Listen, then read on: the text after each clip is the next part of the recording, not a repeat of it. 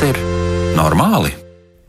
Esiet sveicināti! Mēs atkal esam klāt, lai jautātu, vai tas ir normāli, un par dažādām lietām studijā Kristiāna Lapiņa par skaņu rūpējas Iveta Zvēniece, un šis raidījums būs par psihisko veselību, tāpat kā visi citi iepriekšējie, un arī tie, kas būs nākotnē. Mēs runājam par dzīves kvalitāti, uzdodam jautājumus, un aicinām jautājumu uzdošanā iesaistīties arī jūs klausītājus. Sūtiet savas atziņas, idejas, tos pašus jautājumus, un arī jautājumus, vai tas ir normāli, un ar attiecīgi turpinājumu uz raidījumu elektronisko pasta adresi, vai tas ir normāli, at Latvijas radio.lv. Varat sūtīt ziņas arī Latvijas radio mājaslapā, atrodot raidījumu, vai tas ir normāli ziņojumu logu, un varat aktīvi iesaistīties raidījuma gaitā. Raidījuma temats šodien - kā negatīva pieredze ietekmē cilvēkus un kāpēc tik grūti ir kādam par to pastāstīt. Reizēm tas tiešām ir ļoti, ļoti sarežģīti un reizēm tas notiek tikai pēc daudziem, daudziem gadiem. Tāpēc esam aicinājuši komentēt šādu veidu problēmu, kas varētu piemeklēt lielu daļu cilvēku pasaulē. Emīlu Ūdri, psihologu, sveicināts! Labvakar.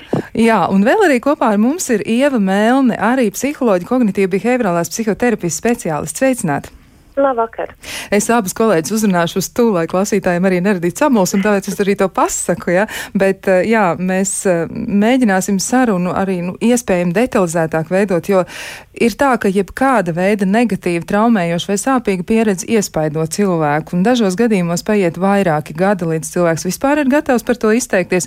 Dažreiz šāds brīdis arī nepienāk, un tāds noslēpums, jeb sāpes vai pārdarījuma ēna seko ik uz soļa, un tā liedz piedzīvot ikdienu vienu veidot attiecības, mīlēt pašam sevi un arī citus cilvēkus. Un mēs šovakar mēģināsim noskaidrot, kā negatīva dzīves pieredze ietekmē cilvēkus un kā palīdzēt šādos gadījumos. Nu, vispirms man gribētos jautāt, kā tad ir jūsu pieredzē, e, vai tā ir, nu, vismaz tā izskatās pēc statistikas un arī pēc pašu cilvēku atsauksmēm, bet cilvēki reti stāst par savu pārdzīvoto, tas tiešām nav tik vienkārši. Varbūt Ieva varētu sākt, kāpēc cilvēki tiešām to dara tik reti, nu, kas tad tas ir par iemeslu, kāpēc? Uh, jā, šis jautājums ir ļoti aktuāls, un, un tas jautājums izpaužas daudzās dzīves situācijās, gan par traumatiskiem notikumiem, gan varbūt ne tādos traumatiskos gadījumos. Taču tas, ko es varu pateikt, arī spriežot pēc darba pieredzes un, un, un varētu teikt, arī dzīves pieredzes daļēji, tad uh, tas, ar ko cilvēki sastopas un kādēļ viņi mazāk runā, ir tieši saistīts ar bailēm. Ar bailēm no nosodījuma vai, piemēram, no nenoticēšanas tam, kas tiešām ar šo personu ir noticis. Un, ja runa ir par tādiem dzīves situācijas gadījumiem, kas ir sāpīgi, kas var izpausties kā, piemēram, tuvu cilvēka aiziešana, nu, tādā ziņā, ka cilvēks aiziet mūžībā, vai, piemēram, šķiršanās, vai, piemēram, uh, kāds sāpīgs uh, strīds, kas notiek, tad uh, cilvēkiem dažkārt iepriekš visticamāk ir bijuši pieredze, ka padaloties ar šo informāciju, tad otra persona vai nu reaģē pretēji, kā ir gaidīts, vai nu tiešām ir kaut kāds nosodījums, uh, vai arī cilvēki vienkārši nenotic. Nu, vai tad tiešām tā var būt, ka tas ar tevi tā ir noticis, vai tiešām tas ir tik grūti tev tikt galā. Bet runājot par tādām pieredzēm, kas, eh, kas ir traumatiskākas, kas uh, var skart fizisko uh, labklājību, morālo labklājību. Un, uh, tad par to runājot, cilvēkiem bieži vien ir arī šīs bailes par savu statusu, vai, piemēram, bailes no vardarbības turpinājuma vai no šīs traumatizācijas atkārtošanās. Jā, status tas izklausās arī pietiekami nozīmīgi, bet tajā pašā laikā, cik tavā pieredzē tā ir, ka cilvēki nestāsta par to, kas ar viņiem ir noticis, iespējams arī pat senāk, e, tieši statusa dēļ? Cik tad bieži ir sastopams tieši šāds iegans? Manuprāt, e, tas ir ļoti saistīts e, droši vien ar to, no kādas vidas cilvēks pats nāk, uh, kādā darba vidē cilvēks strādā, um, vai kas ir viņa ģimenes locekļi. Nevienmēr tas tiešā veidā ir saistīts ar to, vai mans tuvākais, ar ko es esmu kopā, vai pavadu laiku kopā, vai viņš vai viņa ir uh, statusā kaut kur zinām personība, vai vienkārši uh, tāds augsta līmeņa uh, cilvēks kādā konkrētā darba vidē, bet uh, dažkārt cilvēkiem vienkārši ir grūti dalīties jo viņi nevēlas nodarīt sev pāri un radās šīs bažas un bailes par to, ka es netikšu ar šo galā, tas var atkārtoties, ko tas mainīs, un ir tāda bezspēcības izjūta arī klāta. Jā, es uh, arī atradu dažus um, aprakstītos gadījumus, kas arī ir nu, gan pirms vairākiem gadiem, bet uh, ļoti bieži sastopama um, problēma, nu, kuru pēc tam ir jārisina arī uh, šim pašam cilvēkam sadarbojoties ar kādu palīdzības sniedzēju, ir tā, ka cilvēki domā, ka tas tiešām neatkārtosies, un tad viņi atgriežas atpakaļ tajos apstākļos, kuros viņi ir, un šeit nu gan ir runa par pieaugušiem cilvēkiem, bet kāds ir tavs skaidrojums, kāpēc cilvēks mēģina noticēt, ka tas nekad vairs nenotiks, kaut gan tas ir noticis, piemēram, 15, 20 reizes, un, un viņš vienalga mm -hmm. domā, ka tas tā varētu nebūt nākotnē. Mm -hmm. uh, šeit var noteikti runāt par šo um, par tādu veidu cikliskumu. Un cikliskums izpaužas tajā, ka sākotnēji uh, attiecībās ja notiek kaut kas negatīvs, tad, uh, un ja tas notiek pietiekami spēcīgi un atkārtojas, tad sākumā cilvēks izjūt tādu kā spriedzi. Tātad visi tie notikumi, kas notiek, mēs cenšamies viņus risināt paši, mēģinām tikt galā, bet spriedze aug. Tad pienāk moments, kad cilvēks var izjust tādu kā akūtu krīzi, kad patiešām viss ir ļoti slikti. Um, es nejūtos labi, es nejūtos komfortabli, es jūtos sāpināts vai sāpināta. Un tad tas nākamais uh, process, kas sāks, ir tas saucamais medus mēnesis, kad notiek šī saruna. Vai nu starp cilvēkiem, vairākiem iesaistītiem, vai nu tas ir viens pret vienu, ja tās ir pārattiecības. Uh, vai varbūt tās pat nav pārattiecības, varbūt tas ir vienkārši cilvēku ģimenes lokā. Tad uh, cilvēkiem izrunājot šo situāciju, nonāk visbiežāk pie secinājuma, ka, hei, nu, es mainīšos, es darīšu lietas citādāk, mēs darīsim lietas citādāk. Un tad šie cilvēki vienkārši notic šim visam tikai tādēļ, ka viņi šo cilvēku mīl. Vai tikai tādēļ, ka viņiem šis cilvēks ir svarīgs, un viņi tiešām arī paši vēlas, lai tas viss mainās. Līdz ar to papildus tam noteikti nāk klāt daudzi citi faktori, kas uh, var skart tādas lietas kā, piemēram, uh, finanses, vai, piemēram, ja tā ir ģimene, tad tur ir bērni, um, ja tās ir darba attiecības, tad nu, tas ir darbs. Līdz ar to nevar skatīties šo situāciju tikai tādā vienā veidā vai vienā virzienā. Tur vienmēr ir tāds, tāds, tāds kā sazarojums, kur, ir, kur parādās iemesli, kādēļ es atgriežos atpakaļ. Uh, bet ļoti bieži tas tiešām ir saistīts ar šīm, šīm jūtām pret šo otru cilvēku, vai, vai tieši saistīts ar šīm labajām attiecībām, kas ir bijušas varbūt pagātnē, vai, piemēram, cilvēki bieži vien pierod. Tas, ko visbiežāk mēs dzirdam, nu, nu, tā gadās, tā, tā ik pa laikam šim cilvēkam notiek, bet nu, ko tu tur mainīs, jādzīvo vien tālāk. Jā, nu te arī jautājums Emīlam Ūdrim. Nu, tu daudz strādā ar pusauģiem, un tev arī ir ko teikt noteikti par to, kāda ir viņu situācija, jo ļoti bieži bērni, pusauģi un jaunieši nestāst par to, kas ir noticis, nestāst par to, kas ir skolā, kas ir ģimenē. Kāds ir tavs skaidrojums, kas notiek ar viņiem? Jā, vispār tā, domāju par to traumatisko pieredzi kopumā. Nu, man liekas, normāli, ka cilvēki par to daudz nerunā. Vispār, jo parasti jau traumatiska pieredze ir kaut kas, negaidīts, ļoti sāpīgs notikums, iespējams, vai pat varbūt vienmēr transformējošs notikums cilvēkam, kad liek pārdomāt par to, kas ir um, nu, gan, gan pašam par savu identitāti, gan par citu cilvēku vai, vai kaut kādu pasaules uztveri. Un, uh, līdz ar to man liekas, tas ir tāds um, nu, konceptuāli cilvēkam grūti pieņemams notikums, ko ir grūti emocionāli aptvert un, un, un izjust. Un, un, un tas man liekas normāli, ka cilvēki nu, mēdz par to daudz nerunāt. Uh, bet neatdosim tas jautājums, kur ir tā robeža, kad tas ir aiziet pārāk daudz un, un, un um, no tā jau sāk veidoties kaut kādas um, problēmas. Un, un, un, uh, nu, domājot par tiem uh, pusaudžiem, um, nu, ir tā, ka vismaz tā manā pieredzē ir tā, ka uh, um, viņi uh, konsultācijās, un cik esmu arī pusauģu resursu centrā, ir, ir sanācis novērot um, konsultācijās, viņi biežāk pat varētu būt, ka viņi atklājās. Lai gan nu, mēs jau īsti nezinām, iespējams, tās traumatiskās pieredzes, par kurām viņi nav atklājušies. Bet uh, pēc uh, kā es to spriežu, kad ir vairākas lietas, par kurām pusauģi mēdz runāt ar mums kā speciālistiem, uh, un lūdzu, teiksim, nerunāt ar vecākiem. Uh, līdz ar to varētu domāt, ka viņi ir gatavi atklāties uh, mums, bet uh, īstenībā nav gatavi atklāties vecākiem. Uh, tad atkal jautājums varbūt, uh, cik daudz viņi ir gatavi atklāties draugiem.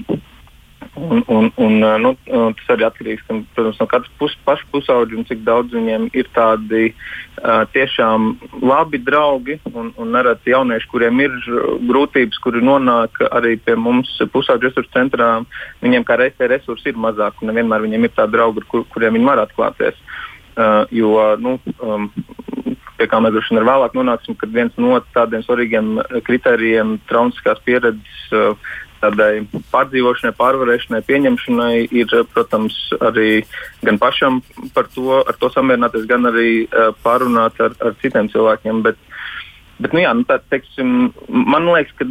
Nu, Varētu būt, ka mana sajūta ir tāda, tiešām tā, tāda individuāla sajūta, ka pusauģi ir gatavāki runāt par um, traumatisku pieredzi uh, nekā, nekā pieaugušie. Um, jā. Un kā tu to izskaidrosi? Nu, kā, tas, kā tas nākas? Jo ir arī, protams, tādi gadījumi, kad uh, viņi nerunā, nerunā ne, ne pusauģi, ne bērni, ne arī jauni cilvēki, un arī pat ne pieaugušie. Un reizēm tas ir saistīts ar to, tu teici, ka mēdz būt nu, tāds vienreizējs kaut kāds vardarbības akts vai varbūt uzbrukums vai traumatiska pieredze, bet reizēm ir tā, ka tas nav nebūt vienu reizi, tas ir ļoti, ļoti ilgi, tas ir gadiem, tā ir gandrīz vai kā tāda izmainīta ikdienas norma, un, un vienalga jaunietis turpina turpina par to nerunāt, un arī pieaugušais cilvēks par to turpina nerunāt. Kā tu komentētu to, ka nu, tev liekas, ka ir tā atšķirība? Kas tad ļauj varbūt tam pusaudzim runāt un, un nobremzēt to pieaugušo cilvēku? Um, nu, pusauģi tā, kopumā viņi ir, cik uh, var vērot arī darbā, gan ar pusauģiem, gan ar viņu vecākiem. Kopumā viņi ir bieži vien gatavāki vairāk um, atklāties, vairāk pieņemt, kad ir kaut kādas grūtības un problēmas, un viņi nevienmēr ir tik labi varbūt iemācījušies. Uh, apslēpt kaut kādus ģimenes noslēpumus vai, vai saprast tās lietas, par kurām nevajadzētu runāt. Un, un kamēr pieaugušie jau savā dzīves pieredzē, viņi bieži vien ir iespējams vairāk saskārušies ar tādām situācijām, saprot par lietām, kurām nevajadzētu runāt, lai nesaskartos ar šo tēmu. Tad viņi veiksmīgāk varbūt izlavierē, nu, ne, nepieskaroties tām traumatiskām tēmām. Un varbūt pat uh, ar, runājot reizēm ar pieaugušiem, nu, nevienmēr ir skaidrs, ka viņiem ir kaut kāda šāda grūtība pieredze bijusi. Kur savukārt ar pusauģiem, kad uh, viņiem jau skaidri uzdod jautājumus par konkrētām tēmām, uh, kā viņiem gājis uh, ģimenē, uh, skolā, ārpus skolas. Nereti viņiem ir grūtāk tik veiksmīgi atrunāties no, no šīm lietām, tad var vieglāk saprast, ka kaut kas īsti nav, un, un tad arī kaut kā līdz šai tēmai var nonākt. Bet nu, arī tas, ka jā, tiešām pusauģi bieži vien viņi, ir tādi pieņemošāki pret mentālās veselības grūtībām. Un, un, uh, um, viņi, lai, nu, ja ne paši ir meklējuši, tad bieži vien viņi vismaz ir gatavāki šķiet par to runāt nekā pieaugušie, kurš tomēr man ir sajūta, ka um, varbūt tas ir vairāk Latvijā, bet tā stigmatizācija ir lielāka un, un nereti cilvēki vairāk baidās. Un, iespējams, arī uh, līdzīgi kā, kā jau iepriekš runājāt par to, ka ir uh, kaut kādi vairāk. Um, um, sajūta, ka var vairāk zaudēt. Varbūt, ja, ja ir darbā um, kaut kādas nezinu, iespējas, uh, nu, ka, iet, ka tas var ietekmēt darbu vai, vai teiksim, arī attiecības. Um, ar, ar laulāto vai, vai, vai citādi. Tā kā nu, varbūt pusauģiem nav tā sajūta, ka viņi varbūt, uh, nu, vai varbūt viņi tik labi neapzinās, ka viņi var kaut kā vairāk kaut ko zaudēt, runājot par, par šo traumatisko pieredzi. Jā, Tas iespējams tā varētu dažos gadījumos būt. Ir arī klausītāji iesaistījušies, un e, viņu vēstījums ir tāds: paldies par raidījumu un ļoti aktuālo tematu. Ko saka speciālisti, kāda ir jūsu pieredze, kuras pieredzes tieši runājot par šo traumatisko pieredzi, e, kuras pieredzes ir vissāpīgākās, par kurām cilvēkiem ir visgrūtāk runāt? Varbūt šoreiz Ieva Melna varētu sākt. Mm -hmm. Paldies tiešām klausītājiem par jautājumiem. Manuprāt, tas ļoti labi parāda, ka ka visas tēmas, kas tiek apskatītas, ir ļoti, ļoti būtiskas un jāaktualizē.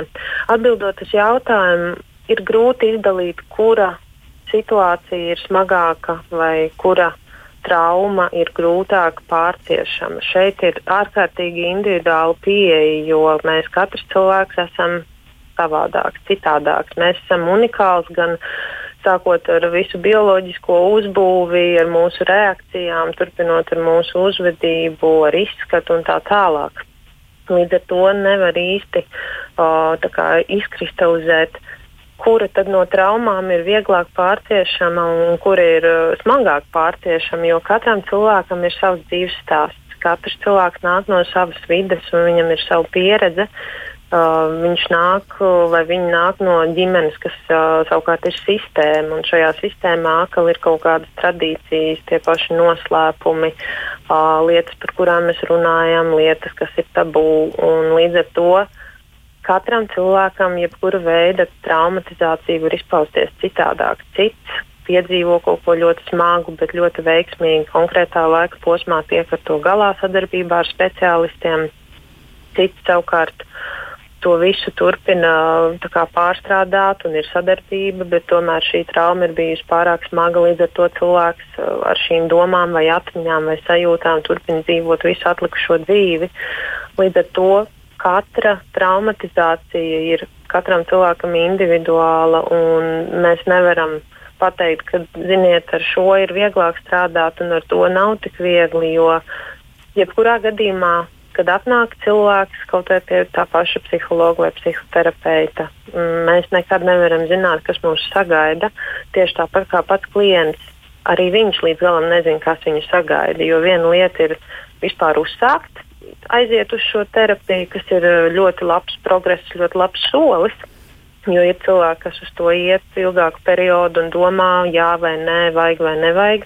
Vai šī problēma patiešām ir problēma, kuras dēļ būtu jāiet pie speciālista. Un tajā pašā laikā um, šie traumatizācijas veidi, jeb šīs traumas, viņas ir tik dažādi, tik spēcīgas, un tas ir atkarīgs no paša cilvēka un viņa iespējām sadarboties ar speciālistiem, lai pārvarētu kaut kādas nepatīkamas, negatīvas atmiņas, emocijas, domas, un lai spētu virzīties tālāk uz priekšu savā dzīvē, ja ne teiksim, atrisinot pilnībā šo sajūtu, ko es domāju, ko pilnībā īsti nevar atrisināt, bet vismaz censties um, strādāt tā, lai pēc tam pašam būtu vieglāk veidot savas attiecības, vai turpināt veidot jau esošās attiecības, vai nebaidīties kaut kur doties, vai nebaidīties no jaunām pieredzēm. Jā, nu, vēl arī jautājums tāds, jautājumam patiesībā ir otra daļa arī vēl, vai, nu, var noteikt to robežu, kad nerunāt ir pieļaujami nu, par kaut ko, ko mēs esam piedzīvojuši, un kurā brīdī tad mēs saprotam, ka tas vairs nav mums nu, nesams līdzi, ka tas ir kaut kas pārāk daudz, pārāk spēcīgs, ka tas ietekmē mūsu dzīvi pārāk lielos apjomos, lai mēs varētu tā turpināt. Kā identificēt to mirkli, ka tas tiešām būtu jāuztic kādam cilvēkam, nu, ar kuru varētu dalīties un kurš varētu sniegt palīdzību? Ieva. Mm -hmm. Um, man pašai šobrīd, uh, lasot un, un, un iedziļinoties arī informācijā par par to, kādā veidā cilvēki vispār dalās vai nedalās par savām pieredzēm, vai tā ir trauma, vai tā ir vienkārši negatīva, smaga pieredze, kas ir atstājusi tādu ilglaicīgu iespaidu. Um, tas, ko es esmu sapratusi, ka, manuprāt, ir ļoti būtiski, ka par šīm tēmām tiek runāts. Bet tiek runāts tajā brīdī, kad cilvēks pats jūtas gatavs tam, un tad, kad šis cilvēks ir sapratis, ka ok, man ir šī situācija, un es vēlētos padalīties ar kādu sev tuvāku cilvēku par šo, kas ir noticis ar mani, un iespējams pat meklēt kādu speciālistu palīdzību.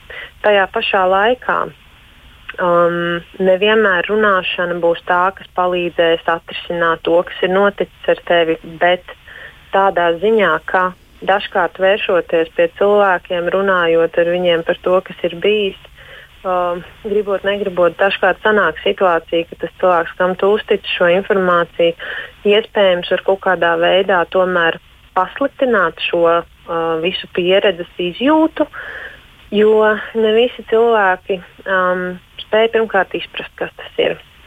Otrām kārtām sniegt nepieciešamo atbalstu. Tas nav kaut kas nosodāms. Vienkārši, ja cilvēkam pašam nav bijusi pieredze šajā jautājumā, vai cilvēks nav interesējies par to, ir grūti arī saprast, kā tad es varētu tev kaut kādā veidā palīdzēt. Un tajā pašā laikā man šķiet, ja ir notikusi situācija un man ir kāds tuvs cilvēks, ar ko es varu par to padalīties, tad es domāju, ka par to noteikti būtu jāpadalās ja ir pagājis kaut kāds ilgāks periods pēc situācijas un ir jūtams, ka tās domas un sajūtas joprojām maļās manā prātā, man ir pazemināts noskaņojums ļoti ilgi, es varbūt izjūtu trauksmi. Visticamāk, būtu vērtīgi vērsties pēc palīdzības pie kāda speciālista. Jo, jebkurā gadījumā, um, vēršoties pēc palīdzības, nav jau arī tā, ka tā situācija tiek risināta tajās 45, 50 vai ilgāka laika periodā, tādās minūtēs, uh, un mēs tagad tajā vienā sesijā apgriežam visu situāciju otrādi, un cilvēks iziet pa durvīm un, un nezin, kur likties. Bet ir svarīgi, ka šī tēma tiek uzrunāta. Ir svarīgi, ka pats cilvēks apzinās, cik daudz esmu gatavs dalīties šobrīd, un kurā brīdī es jūtos gatavs un drošāks, lai dalītos vairāk, un lai patiešām ar speciālistu kopā varētu sākt domāt, kādā veidā šis ir risināms jautājums un kas ir tās lietas, kuras var mainīt un kuras nu, nevarēs mainīt, un kuras vienkārši jāmācās pārstrādāt un arī pieņemt iespējams. Jā, nu, man jautājums tagad būs Emīlam. Es gribētu jautāt, vai e, tu esi pamanījis kādu saistības ar pašvērtējumu starp to, kā, nu, tavā gadījumā tātad vairāk tu redz pusauģis, bet tev ir arī pieredze noteikti ar pieaugušiem cilvēkiem. Kā tas ir? Vai e, tā varētu būt, ka pašvērtējums ir saistīts ar to, vai cilvēks spēja vai nespēja pastāstīt par sevi un par to, ko viņš ir pieredzējis?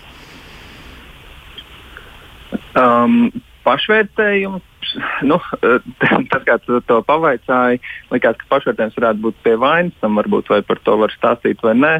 Uh, bet um, nu, man varbūt tā grūti uzreiz um, identificēt, un katram tas varbūt ir nedaudz citādāk. Bet, uh, protams, arī pati traumatiskā pieredze to pašvērtējumu var uh, samazināt. Un, un, un, uh, jo, uh, nu, pirmām kārtām jau jautājums, jā, cik, cik tā traumatiskā pieredze mums vispār ir. Um, kā, um, apzināti pieejami, cik daudz mēs ar viņu spējam manipulēt mūsu prātos, atcelt atmiņā, pārstrādāt un, un pēc tam droši nolikt atpakaļ, lai turpinātu savu ikdienas dzīvi. Un, un tā problēma jau reizēm, nu, vai visbiežāk ir tā, ka šis tieši nevar notikt, un, un cilvēkiem ir um, grūti viņu tā kā. Um, vai nu atcaukt atmiņā, vai, vai pārstrādāt emocionāli, un pēc tam arī tā labi ielikt atpakaļ savā atmiņā. Nu, tā vienkārši sakot, un, un tā, ka tas uh, kaut kur netīši neizsprūk uh, vai nu caur trauksmi, vai caur, caur slikto noskaņojumu, vai caur uh, zemo pašvērtējumu pazemināt to. Un, un, uh, un tas pašvērtējums noteikti par kristies, gan, gan domājot par to pieredzi, kas ir bijusi, kas reizēm var izraisīt kaunu arī, uh, un, un kad, kad man ir nodarīts pāri, un, un var likties, ka es esmu reizēm uh, arī uh, kaut kāds vardarbības upuri, viņi paši mēdz justies vainīgi, ka viņi kaut ko nav izdarījuši, vai viņi taisnot otrādi kaut ko izdarījuši, un, un, un tagad uh, viņi jūtas slikti par to, viņi jūt kaunu, viņiem krīt pašvērtējums, viņiem uh, var uh, parādīties nomāktība vardarbība un, un, un trauksme. Un, un tas viss, protams, arī uh, var ietekmēt to pašvērtējumu sajūtu, jo tas ietekmē gan kopējo labsajūtu, gan arī nu, par to, ko viņi ir spējīgi izdarīt vai, vai nevar izdarīt. Jo ar, gan ar nomāktību, gan trauksmi tas bieži vien ir tā cilvēks ļoti ierobežo un līdz ar to arī pašvērtējums uh, var, var kristies. Un, uh, nu jā, līdz ar to tas ir ir vai var būt uh, saistīts. Un, un, un, uh, nu, visbiežāk jau ir uh, tas pašvērtējums arī cits, bet uh, nu, droši vien ne, ne, ne visiem. Jā. Tātad tas būs atšķirīgi katram cilvēkam. Iespējams arī, tā domāšana par kaut ko arī varētu būt, nu, saka, pamatā tam, ja cilvēkam tiek iedvesta vainas izjūta par kaut ko, ka viņš ir nepareizs vai dara kaut ko aplam, arī tas taču varētu būt iemesls, nu, ka viņš nespēja pastāstīt Emīlu. Uh, tā kā citi cilvēki stāsta par. Jā, nu pieņemsim, par... citi cilvēki varētu um, iespējams nu, izturēties nu, nu, pret attiecīgo cilvēku vai pret viņu problēmu vai pret viņu stāstu kā pret tādu, mm -hmm. kas, uh, nu, pasaulē notiek trakākas lietas, jā, tur uh, nekas jau šausmīgs à, nu, jā, nav, jā, un tā tālāk. jā. Jā, protams, tas, tas noteikti nu, nekādā veidā nepalīdz cilvēkiem. Un te nav runa pat par traumu, te ir vispār tiešām par to vienkārši negatīvu pieredzi, kad nu, kāds ir varbūt sliktāk izteicies vai, vai nu, tur, nezinu, bijis konflikts un kāds par to pārdzīvo. Un, un, un tagad, kad viņš grib izstāstīt par savām emocijām, par to, ka viņš jūtas pazemots, aizvainots vai, vai vēl kaut kā Un, un jau otrs cilvēks atkal uz to reaģē, nu kas tur, nu, tas jau nav nekas traks un, un, un noliedzoši un nespēja tā, tā kā validēt viņa sajūtas vai, vai, vai nu, pieņemt to cilvēku, kā viņš jūtas tajā situācijā un, un būt ar viņu tajā mirklī, tad tas var taisnīgi atspēlēties pretēji tam cilvēkam, ka viņam ir um, nu, šīs sajūtas vai, vai viņa izjūtas ir kā, varētu šis nepieņemams, neatbilstošs situācijai. Kaut kas ar maniem varbūt nav kārtībā, līdz ar to es pārāk asi reaģēju. Kaut kas, nu, kā, varbūt es tur biju vainīgs, es kaut ko nesapratu. Nu, dažādas tās domas var būt uh, pēc tam un, un arī ietekmēt, uh, nu, tā teikt. Uh, Uh, nu jā, jautājums, kādi ir tie resursi apkārt. Un, un, un es arī iepriekš domāju par to jaut skatītāju jautājumu, kas bija par um, uh, to, kuras traumas ir uh, varbūt smagākas. Uh, kad, nu, jautājums ir arī tajā, cik resursi ir tam uh, pašam cilvēkam, kurš ir uh, pārcietis to traumu. Jo noteikti uh, nu, ir, ir dažādi, tie, da, dažādi resursi, ir gan ģimenes, gan draugi, gan nu, kaut kāda finansiāla resursa, lai aizietu pie speciālista. Un, un noteikti cilvēks un, un kaut kāda emocionāli ar pieredzi un, un, un nu, teikt, psiholoģiskie resursi. Ja cilvēkam šo resursu trūkst, tam, kuram vismazāk būs, tam var būs smagāks seks, protams, no šīs traumas un, un grūtāk tikt ar to galā. Un, un tā, tā kā tur ir nu, jā, tiešām daudz, daudz tie faktori, kurus ir. Um, grūti tā skaidri novērtēt. Jā, nu vēl par tiem faktoriem un arī par resursiem mēs noteikti parunāsim, bet to mēs darīsim pēc ļoti īsa brīža.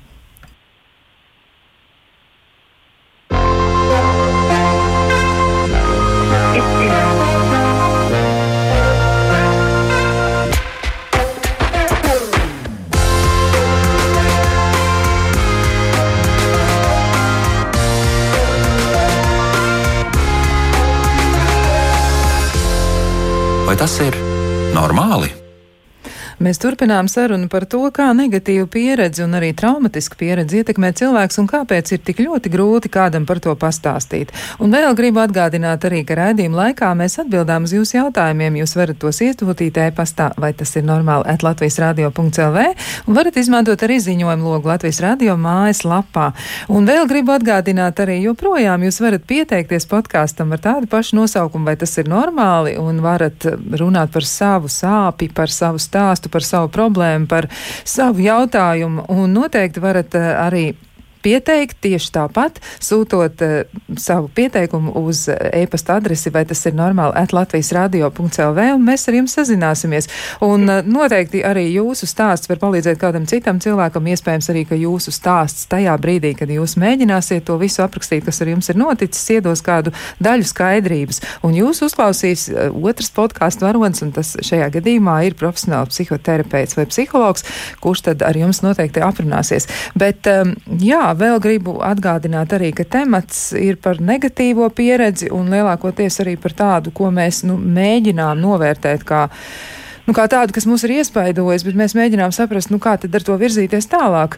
Un uh, atgādināšu arī, ka esam aicinājuši komentēt šīs problēmas Emīlu Ūdri un jau Meltni. Abi divi ir psihologi. Tad, lūk, mans nākamais jautājums ir tāds, vai varētu tā būt, ka domāšana, nu, tā teikt, kas ir primāri no paša sākta gala, Vai tā varētu būt um, nu, ietekmējošais faktors, kas nosaka to, ka cilvēks spēj vai nespēj par to stāstīt? Jo viena lieta ir pieredze ģimenē, ir, ir ģimenes noslēpuma, kā Ieva teica, bet arī pats domāšanas veids, ja tā jau ir tikusi ietekmēta, varbūt cilvēkam arī ir tāds priekšstats, nu, ka viņš vienkārši nestāsta. Varbūt tas ir kaut kādu tādu dziļu pārliecību līmenī. Ieva, kā, tu, mm -hmm. kā tu domā? Um, jā, šis ir īstenībā ļoti būtiski, jo arī klausoties uh, jūsu sarunā ar kolēģi, tad uh, tas, kas man nāca pašai prātā, ir tieši par šīm pārliecībām, par to, kādā veidā cilvēks pats ir audzināts un, un kādā ģimenē viņš ir audzis. Tā kā es arī pirmīt minēju par te, par ģimeni kā sistēmu, kur ir kaut kādi Uh, kaut kādi faktori, kaut kādas tradīcijas un noslēpumi. Un, uh, runājot tieši par šo domāšanu un uztveri un tieši par pašām pārliecībām. Šīs pārliecības mēs iegūstam jau no pašas bērnības. Un, uh, mēs tās pārliecības paši varam izveidot, mēs viņus varam pārņemt. Un pārņemam mēs visbiežāk to šīs pārliecības no ģimenes. Un man pašai uzreiz nāk prātā, kaut kādi tādi piemēri, kas iet kopā uh, par tēmu, ka ģimenes problēmas mēs no mājas nenesam ārā. Nestāst par to, ka es ar tēti strīdējos, vai, piemēram, uh, nedrīkst stāstīt citiem, ka mums ģimenē notiek. Nu, piemēram, varbūt tur kāds no ģimenes locekļiem lieto alkoholu pārmērīgi, vai arī nedrīkst stāstīt, ka tevi uh, um, tur apsaukā brālis vai, vai māsa, un, un ko citi par mums padomās. Tad. Un līdz ar to um, šo uztveri par to, kāda tad ir dzīve tur ārā, ārpus ģimenes, veidojas pašā ģimenē. Un ļoti bieži ir tā, ka cilvēkam pašam pieaugot un izējot dzīvē un veidojot savas attiecības, Uh, ja mēs spējam apzināti pieiet pie šīm attiecībām un ir apzināti, es domāju, tādā veidā, ka mēs tiešām ieklausāmies cilvēkā, mēģinam uzzināt, kāds viņš ir, ko viņš dara, kāda ir viņa dzīves pieredze. Dažkārt cilvēks sastopas nu, tādā situācijā, ka ir skaidrs, ka es tomēr uzskatu citādāk, vai es domāju citādāk, vai es situācijas risinu citādāk. Un līdz ar to um, ir cilvēki, kas bieži vien nesaprot tieši šo pārliecību dēļ. Un šīs pārliecības ir ļoti spēcīgas. Tātad, ja viņas veidojas jau no bērnības, vai viņas var veidoties arī kādā nu, vidusposmā, kas, kurā mēs dzīves uh, situācijā atrodamies, tad mēs ļoti sākam tam ticēt. Un šeit ir arī saistība ar to, kāda ir bijusi mūsu pieredze iepriekš. Un, piemēram, ja mēs runājam par dalīšanos, par runāšanu, tad es pieļauju, ka cilvēki, kas bieži vien ir vīlušies, iespējams, kādās attiecībās, kur viņi ir par kaut ko padalījušies un saņēmuši atpakaļ šo reakciju, ka klausies, tas nav nekas briesmīgs, citiem ir vēl sliktāk, vai arī esi priecīgs par to, kas tev ir un nedomā par tām sliktām lietām. Cilvēki negūst šo savu uh, jūtu, emociju vai domu validizāciju, viņi nejūtas tā, ka tas, kā viņi domā vai jūtas vai izjūt šīs emocijas, ka tas ir ka tas ir svarīgi, ka tas ir nozīmīgi un ka tā arī var būt. Līdz ar to um, cilvēki tādā veidā noslēdzas, un viņi vairs īsti nedomā, ka es kādam varu uzticēties. Tātad pasaule nav droša. Uh, ar cilvēkiem nevar ielaisties dziļās sarunās, jo tad var pienākt moments, ka viņi to visu pagriež pret tevi. Un tādā veidā veidojas šī trauksme un bailes par šo dalīšanos. Līdz ar to tās pamatvārliecības ir ļoti, ļoti dziļi iekšā mūsos. Un, ja, piemēram, nu, tiešām vai interesējoties kaut tajā pašā internetā par terapijas veidiem vai par to, kā, kā varbūt mazliet citādāk reaģēt uz lietām, bieži vien var atrast informāciju arī par to, ka arī sadarbībā ar speciālistu pie šīm pamatpārliecībām noteikti var strādāt. Iespējams, tas var notikt uh, kādā, nu, teiksim, ne tik ilgā laika posmā, bet dažkārt tas viss ir tik ļoti cilvēkā iesēdies, ka pie tā ir jāstrādā ilgāku periodu, bet tas nav nekas neiespējams, un pie tā noteikti var strādāt. Tā ir laba ziņa. Tā noteikti Jā. ir laba ziņa. Jā, tie var strādāt ar dziļākajām pārliecībām un iespējams arī mainīt attieksmi pret pasauli, kaut arī pieredze ir, ir ļoti, ļoti sāpīga. Bet man tagad jautājums būs Emīlam, nu kā tev izskatās attiecību grūtības nākotnē? Kā tās varētu ietekmēt eh, tāda traumatiska vai ļoti negatīva pieredze, ko cilvēks pats ir guvis? Kā tas tieši varētu iespaidot to, kas notiek tālāk? Vai ar to noslēpumu vispār ir iespējams, ar noslēpumu azotē vai ir iespējams izveidot veidot tādas objektīvi labas attiecības? Labs jautājums. um, nu, tā, ja mēs domājam ļoti nu, tipiski un, un pēc grāmatas un teorētiski, nu, tas noteikti varētu radīt pietiekami daudz sarežģījumus, bet um, es domāju, ka arī ir uh, pietiekami daudz piemēru attiecībām cilvēkiem, kuri dzīvo kopā un, un kuriem ir noslēpumi un, un kuri var kaut kā sadzīvot un iespējams arī nodzīvo visu mūžu. Tagad gan mūsdienās, protams, daudz jau um, vieglāk cilvēkiem ir pieņemt lēmumu par šķiršanos un, un iespējams arī kaut kādos mirkļos tas uh, tā notiek. Bet, uh, nu, uh, Nelabi, tāda filozofiska atkāpe. bet, uh, bet jā, nu, tomēr, lai, lai tās attiecības būtu um, tādas kvalitatīvas un labas, ir svarīgi, ka mēs varam atklāties. Un nereti jau tās, to tuvību, ka, ko, mums, ko mēs veidojam ar ar saviem uh, romantiskiem partneriem uh, tādu patieso tuvību sniedz tas, ka mēs spējam būt uh, patiesi pret viņiem, patiesi visbiežāk par savām um, noslēptākajām daļām un varbūt daļām, kuras mēs uh, citiem tik daudz nerādām.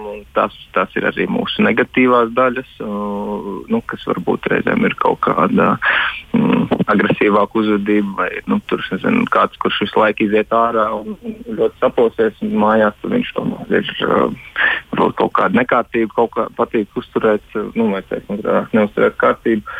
Un, un līdz ar to uh, tas ir ļoti svarīgs moments attiecībās, ka mēs varam justies labi ar to otru cilvēku un varam justies labi tādi, kādi mēs esam. Un, un ja šī traumatiskā pieredze ir nu, visticamāk, tā ir jā, nu, nepārstrādāta traumatiskā pieredze un, un tā ir sekas, tad uh, tas uh, viennozīmīgi ietekmēs pašu cilvēku dzīves kvalitāti un, un arī, uh, arī uh, līdz ar to tas ienāks attiecībās iekšā. Un, ja tas cilvēks ne, nebūs spējīgs būt patiesis par to otru cilvēku, uh, tas var uh, radīt uh, sarežģījumus. Un, un, un, nu, bet, uh, nu, man tas nāk prātā drīzāk no tādas perspektīvas, ka uh, nu, kas man nāk prātā, pirmais ir, mēs tā skaidri nerunājam par kaut kādām izraisītām komplikācijām no traumas, bet, nu, laikam tāds populārākā slimība, ja tā var teikt, ir tas posttraumatiskais stresa sindroms. un, un kas, atvainojos, kas arī um, bieži nu, tā simptomātika ir tāda, ka ir dažādas uzmācīgas atmiņas, sapņi, domas, pēkšņas garstāvokļa maiņas, un, un varbūt vispār garstāvoklis ir tāds kopumā pazemināts, augsts uzbudinājums, cilvēki naktīs mostas augšā un, un, un nespēja pagulēt. Un, um, um, ne, nevar varbūt atcerēties skaidru notikumu detaļas, varbūt pat īsti nezinu, par ko ir tās lietas, bet pa laikam uznāk kaut kāda uzplaiksnījuma, atmiņas un, un sajūtas, kurām negribās domāt, un kas uh, arī var izraisīt šīs emociju un, un domu izmaiņas. Un, ja cilvēkam ir teiksim, šāda, um, šādas grūtības un, un um, viņš dzīvo ar savu partneri un, un tas partneris redz to visu notiekam Uh, nu, viennozīmīgi tas ietekmēs viņa attiecības, un partneris satrauksies nu, par, par savu um, otru partneri. Un, un, un, ja, ja šis viss tiks slēgts, tad nu, tas nu, neveicinās to attiecību kvalitāti. Noteikti tas var, tas var ietekmēt. Bet uh, nu, vēl cita, cita lieta, kas man nāk prātā, ir arī. Um, um, Es nezinu, jā, vai es tad neiebraukšu grāvī, bet, manuprāt, tas arī par tādu traumatisku pieredzi ir. Ja mēs runājam par attiecībām, vardarbīgām attiecībām, kur reizēm tieši um, nu, šī kaut kāda iepriekšēja traumatiska pieredze no bērnības, kas ir nākusi, uh, reizēm uh, saved kopā tieši tādus cilvēkus, kuri beigās uh, attopās vardarbīgās attiecībās. Un tad viņi nu, nereti vardarbīgās attiecības turpinās, turpinās, un, un, un kā jau iepriekš jau aprakstīja to ciklu, tieši tāds ir noteiktais attiecībās.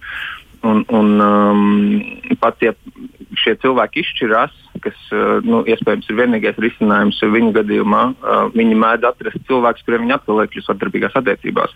Līdz ar to tas ietekmē ne tikai tās pašas attiecības, uh, bet tas ietekmē varbūt arī tos cilvēkus, kurus mēs izvēlamies nākotnē. Un, un tā trauma jau kaut kādā veidā regulē to mūsu uzvedību pirms tām attiecībām. Pat. Nu, tā tad tas ir diezgan svarīgs aspekts. Tas būtu jāsaprot katram pašam par sevi, bet reizēm patiesi to nav viegli iespējams izdarīt. Un te man jautājums atkal būs ievai Melnē. Es gribu jautāt, nu kā tad iespējams ir efektīvi palīdzēt, jo reizēm cilvēki arī uzzinot par kādu diezgan šausminošu notikumu, piemēram, partnera pagātnē, ja tā ir bijusi seksuāla vardarbība vai tas ir bijis kāds ļoti postošs eh, notikums, viņi mēģina izdarīt tādu kā spiedienu uz šo cilvēku un saka, tev ir jāiet, tev ir jārunā, tev ir kādam jāpastāsta, tev ir um, jābūt kontaktā ar kādu palīdzības sniedzēju, un viņi saskars ar ļoti spēcīgu pretestību tieši tā iemesla dēļ, ka cilvēkam ir nu, daudz un dažādas emocijas. Kā tu varētu komentēt to, kas varētu būt labākais veids, kā palīdzēt cilvēkam, ja mēs nojaušam, ka ir kādas ēnas pagātnē, ir tas noslēpums, par kuru runāt ir grūti, ir kaut kas, kas ir aiz viņa, un viņš nav spējīgs tā vienkārši pateikt, jā, notika tas un tas, jo tas šķiet neiespējami. Kā palīdzēt? Mm -hmm. um, šajā situācijā ir, ir būtiski, kā šis cilvēks, kurš ir piedzīvojis traumu, pats jūtās, uh, cik droši viņš jūtās uh, konkrētajā sarunā ar konkrēto cilvēku. Um, bet kopumā ir jāsaka tā, ja teiksim, kaut kur ir zināms kāda, kāda paziņa vai, vai draugi, no draugiem kāds vai jebkurš cits cilvēks ir aizdomas, ka kaut kas kaut kas šobrīd tieši notiek, varbūt tieši šajā laika posmā notiek. Es domāju, ka um, uzrunāt to, ka, piemēram, Klau, es esmu pamanījusi, ka tev ir izmainījusies uzvedība, vai es esmu pamanījusi, ka tev, ja mēs runājam par vardarbību, ja, ka tev ir parādījušies kaut kāda dziluma, kas, kas notika. Tā tad uzrunāt neitrālā formā šo situāciju, tas būtu ļoti vērtīgi. Protams, mēs nevaram uzreiz automātiski gaidīt, ka šis cilvēks teiks, jā, zini, un tad izstāstīs visu savu stāstu. Visbiežāk šie cilvēki pasaka daudz ko citu, tikai ne to patieso iemeslu. Bet, ja situācija ir notikusi kaut kad senāk un vienkārši varbūt no visas informācijas, kas ir pieejama šajā pasaulē, ir skaidrs, ka cilvēkam tā uzvedība vai reakcijas atsevišķās situācijās ir nu, varbūt tāda vai emocionāla, vai parādās kaut kāda distresa, vai, vai vienkārši kaut kāda uzvedība, kas liekas, nu, ka, ka tā var būt. Varbūt ka tur ir kaut kas, kādēļ cilvēks tā reaģē. Arī šajā gadījumā noteikti ir mm, uzdot, ir labi uzdot jautājumu, Klau, vai tu gribētu par šo parunāt. Man ir sajūta, uh, ka kaut kas varbūt ar tevi ir atgadījies, vai tu gribētu par šo padalīties. Un, ja cilvēks ir gatavs dalīties vienā vai otrā situācijā, tas sākums ir mācīties uzklausīt, jeb klausīties šo cilvēku un nemēģināt uh, šajā. Mm, monologa laikā, šī monologa laikā pārliecināt otru personu par to, nu, kā mēs arī pirmīt runājām, ka tas nav nekas tāds, ka viss jau būs kārtībā, vai tāds cilvēks varētu darīt, vai tu gadījumā šito neizdomā, vai tu nepārspīlē. Vienkārši uzklausīt, klausīties to, kas šim cilvēkam ir sakāms. Protams, tas nākamais, ko noteikti var darīt, ir mēģināt sniegt emocionālo atbalstu. Protams, arī ja cilvēks saprot, ka es nevaru neko daudz kā, profesionālā veidā palīdzēt, bet es varu tevi uzklausīt, es varu um, tevi akceptēt un būt ar tevi šajā momentā, tad uh, ļoti bieži ir labi palīdzēt šim cilvēkam meklēt atbalsta resursus, ja viens šis cilvēks pats ir arī gatavs.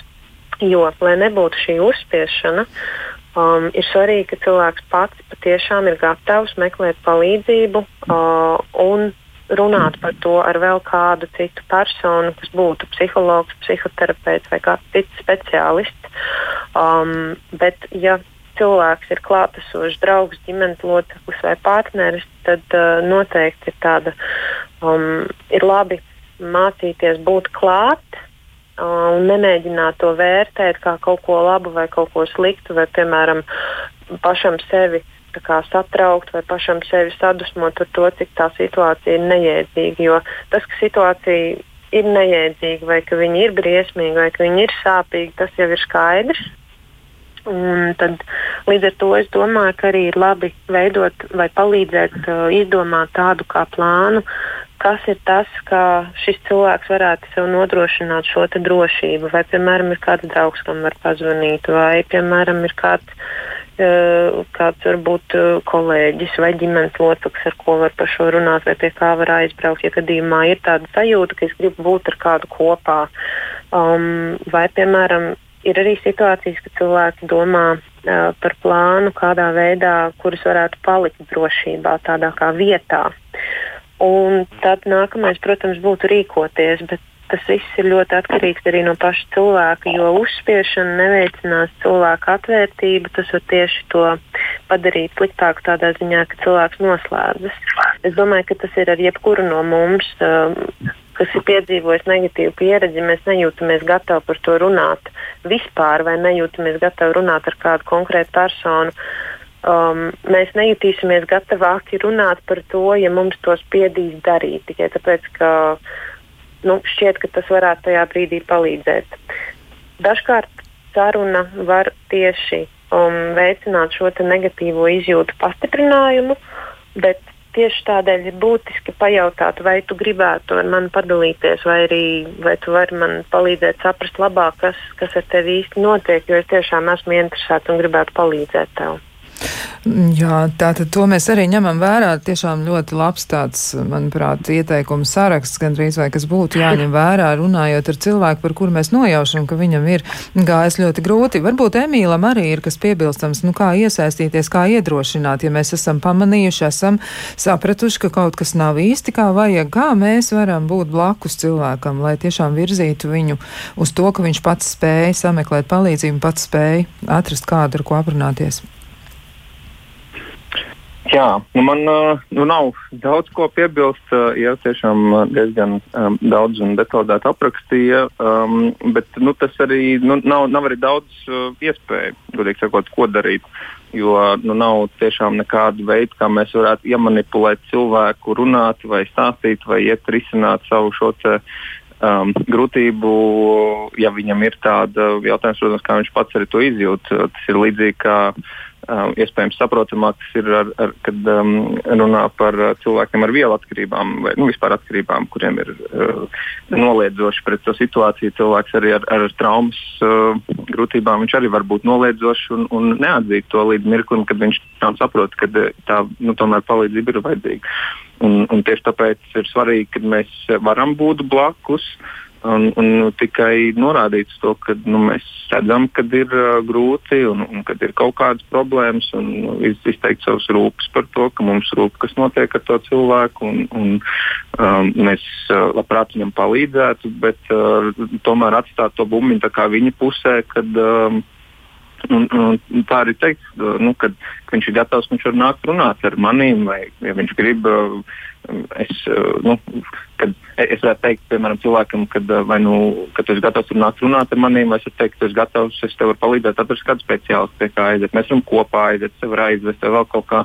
Nu, tā ir izrādīt vienkārši rūpes ar tādu arī varbūt iniciatīvu un, un atstāt to um, pēdējo soli spērt tam otram cilvēkam, un viņš zina. Un, nu, visticamāk jau tas cilvēks arī uzreiz tā nereaģēs, bet būs nepieciešams laiks un iespējams būs nepieciešams vēl kādreiz viņam atgādināt to. Un, un tas arī būtībā nozīmē to būšanu blakus, ka mēs esam neuzstājīgi, mierīgi, vienkārši esam pa laikam, varam izteikt savus rūpes un, un, un, raizes, un, un, bet ļaut tam cilvēkam dzīvot. Un, un tajā mirklī, kad viņš ir gatavs, tad mēs esam blakus.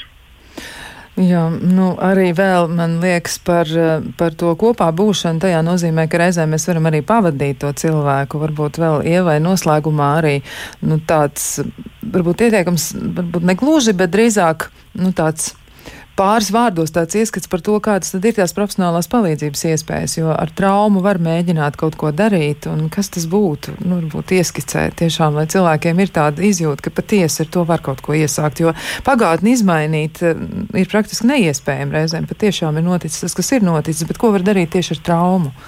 Mm -hmm. uh, tiešām jāpiekrīt, ka pagātni izmainīt nevar, bet mēs varam strādāt pie tā, kā mēs skatāmies savu pagātni, vai kā mēs šobrīd reaģējam uz to pieredzi, kuru mēs ieguvām pirms kaut kāda laika.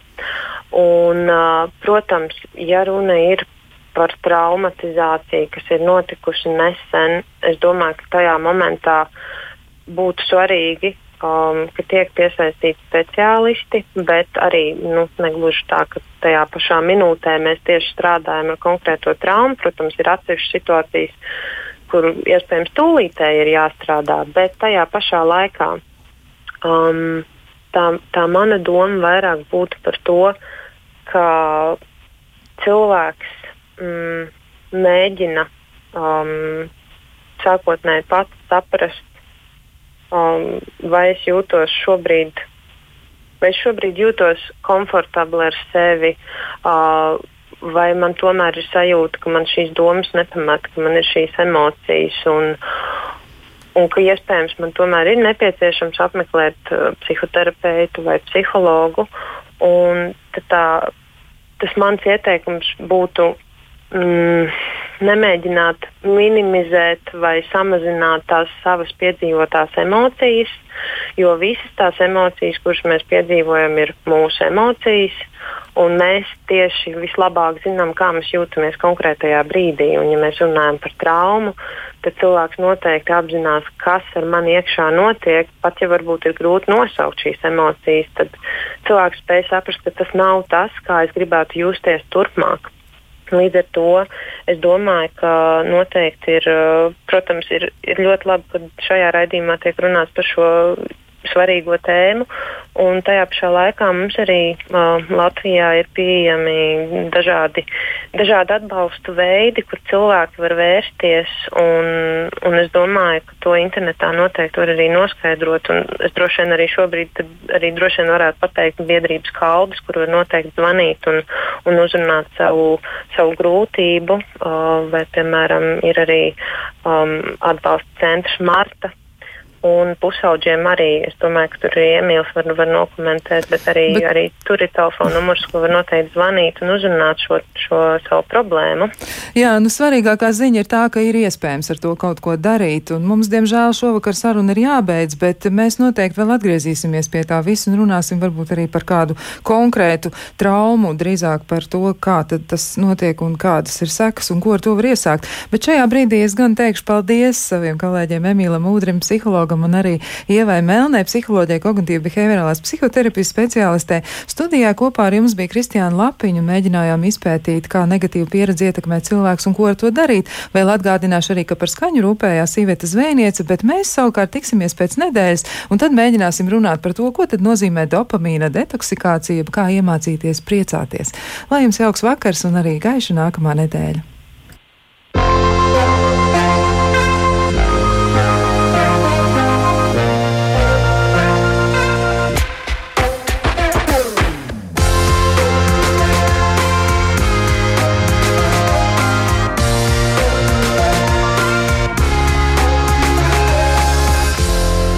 Vai tas ir normāli?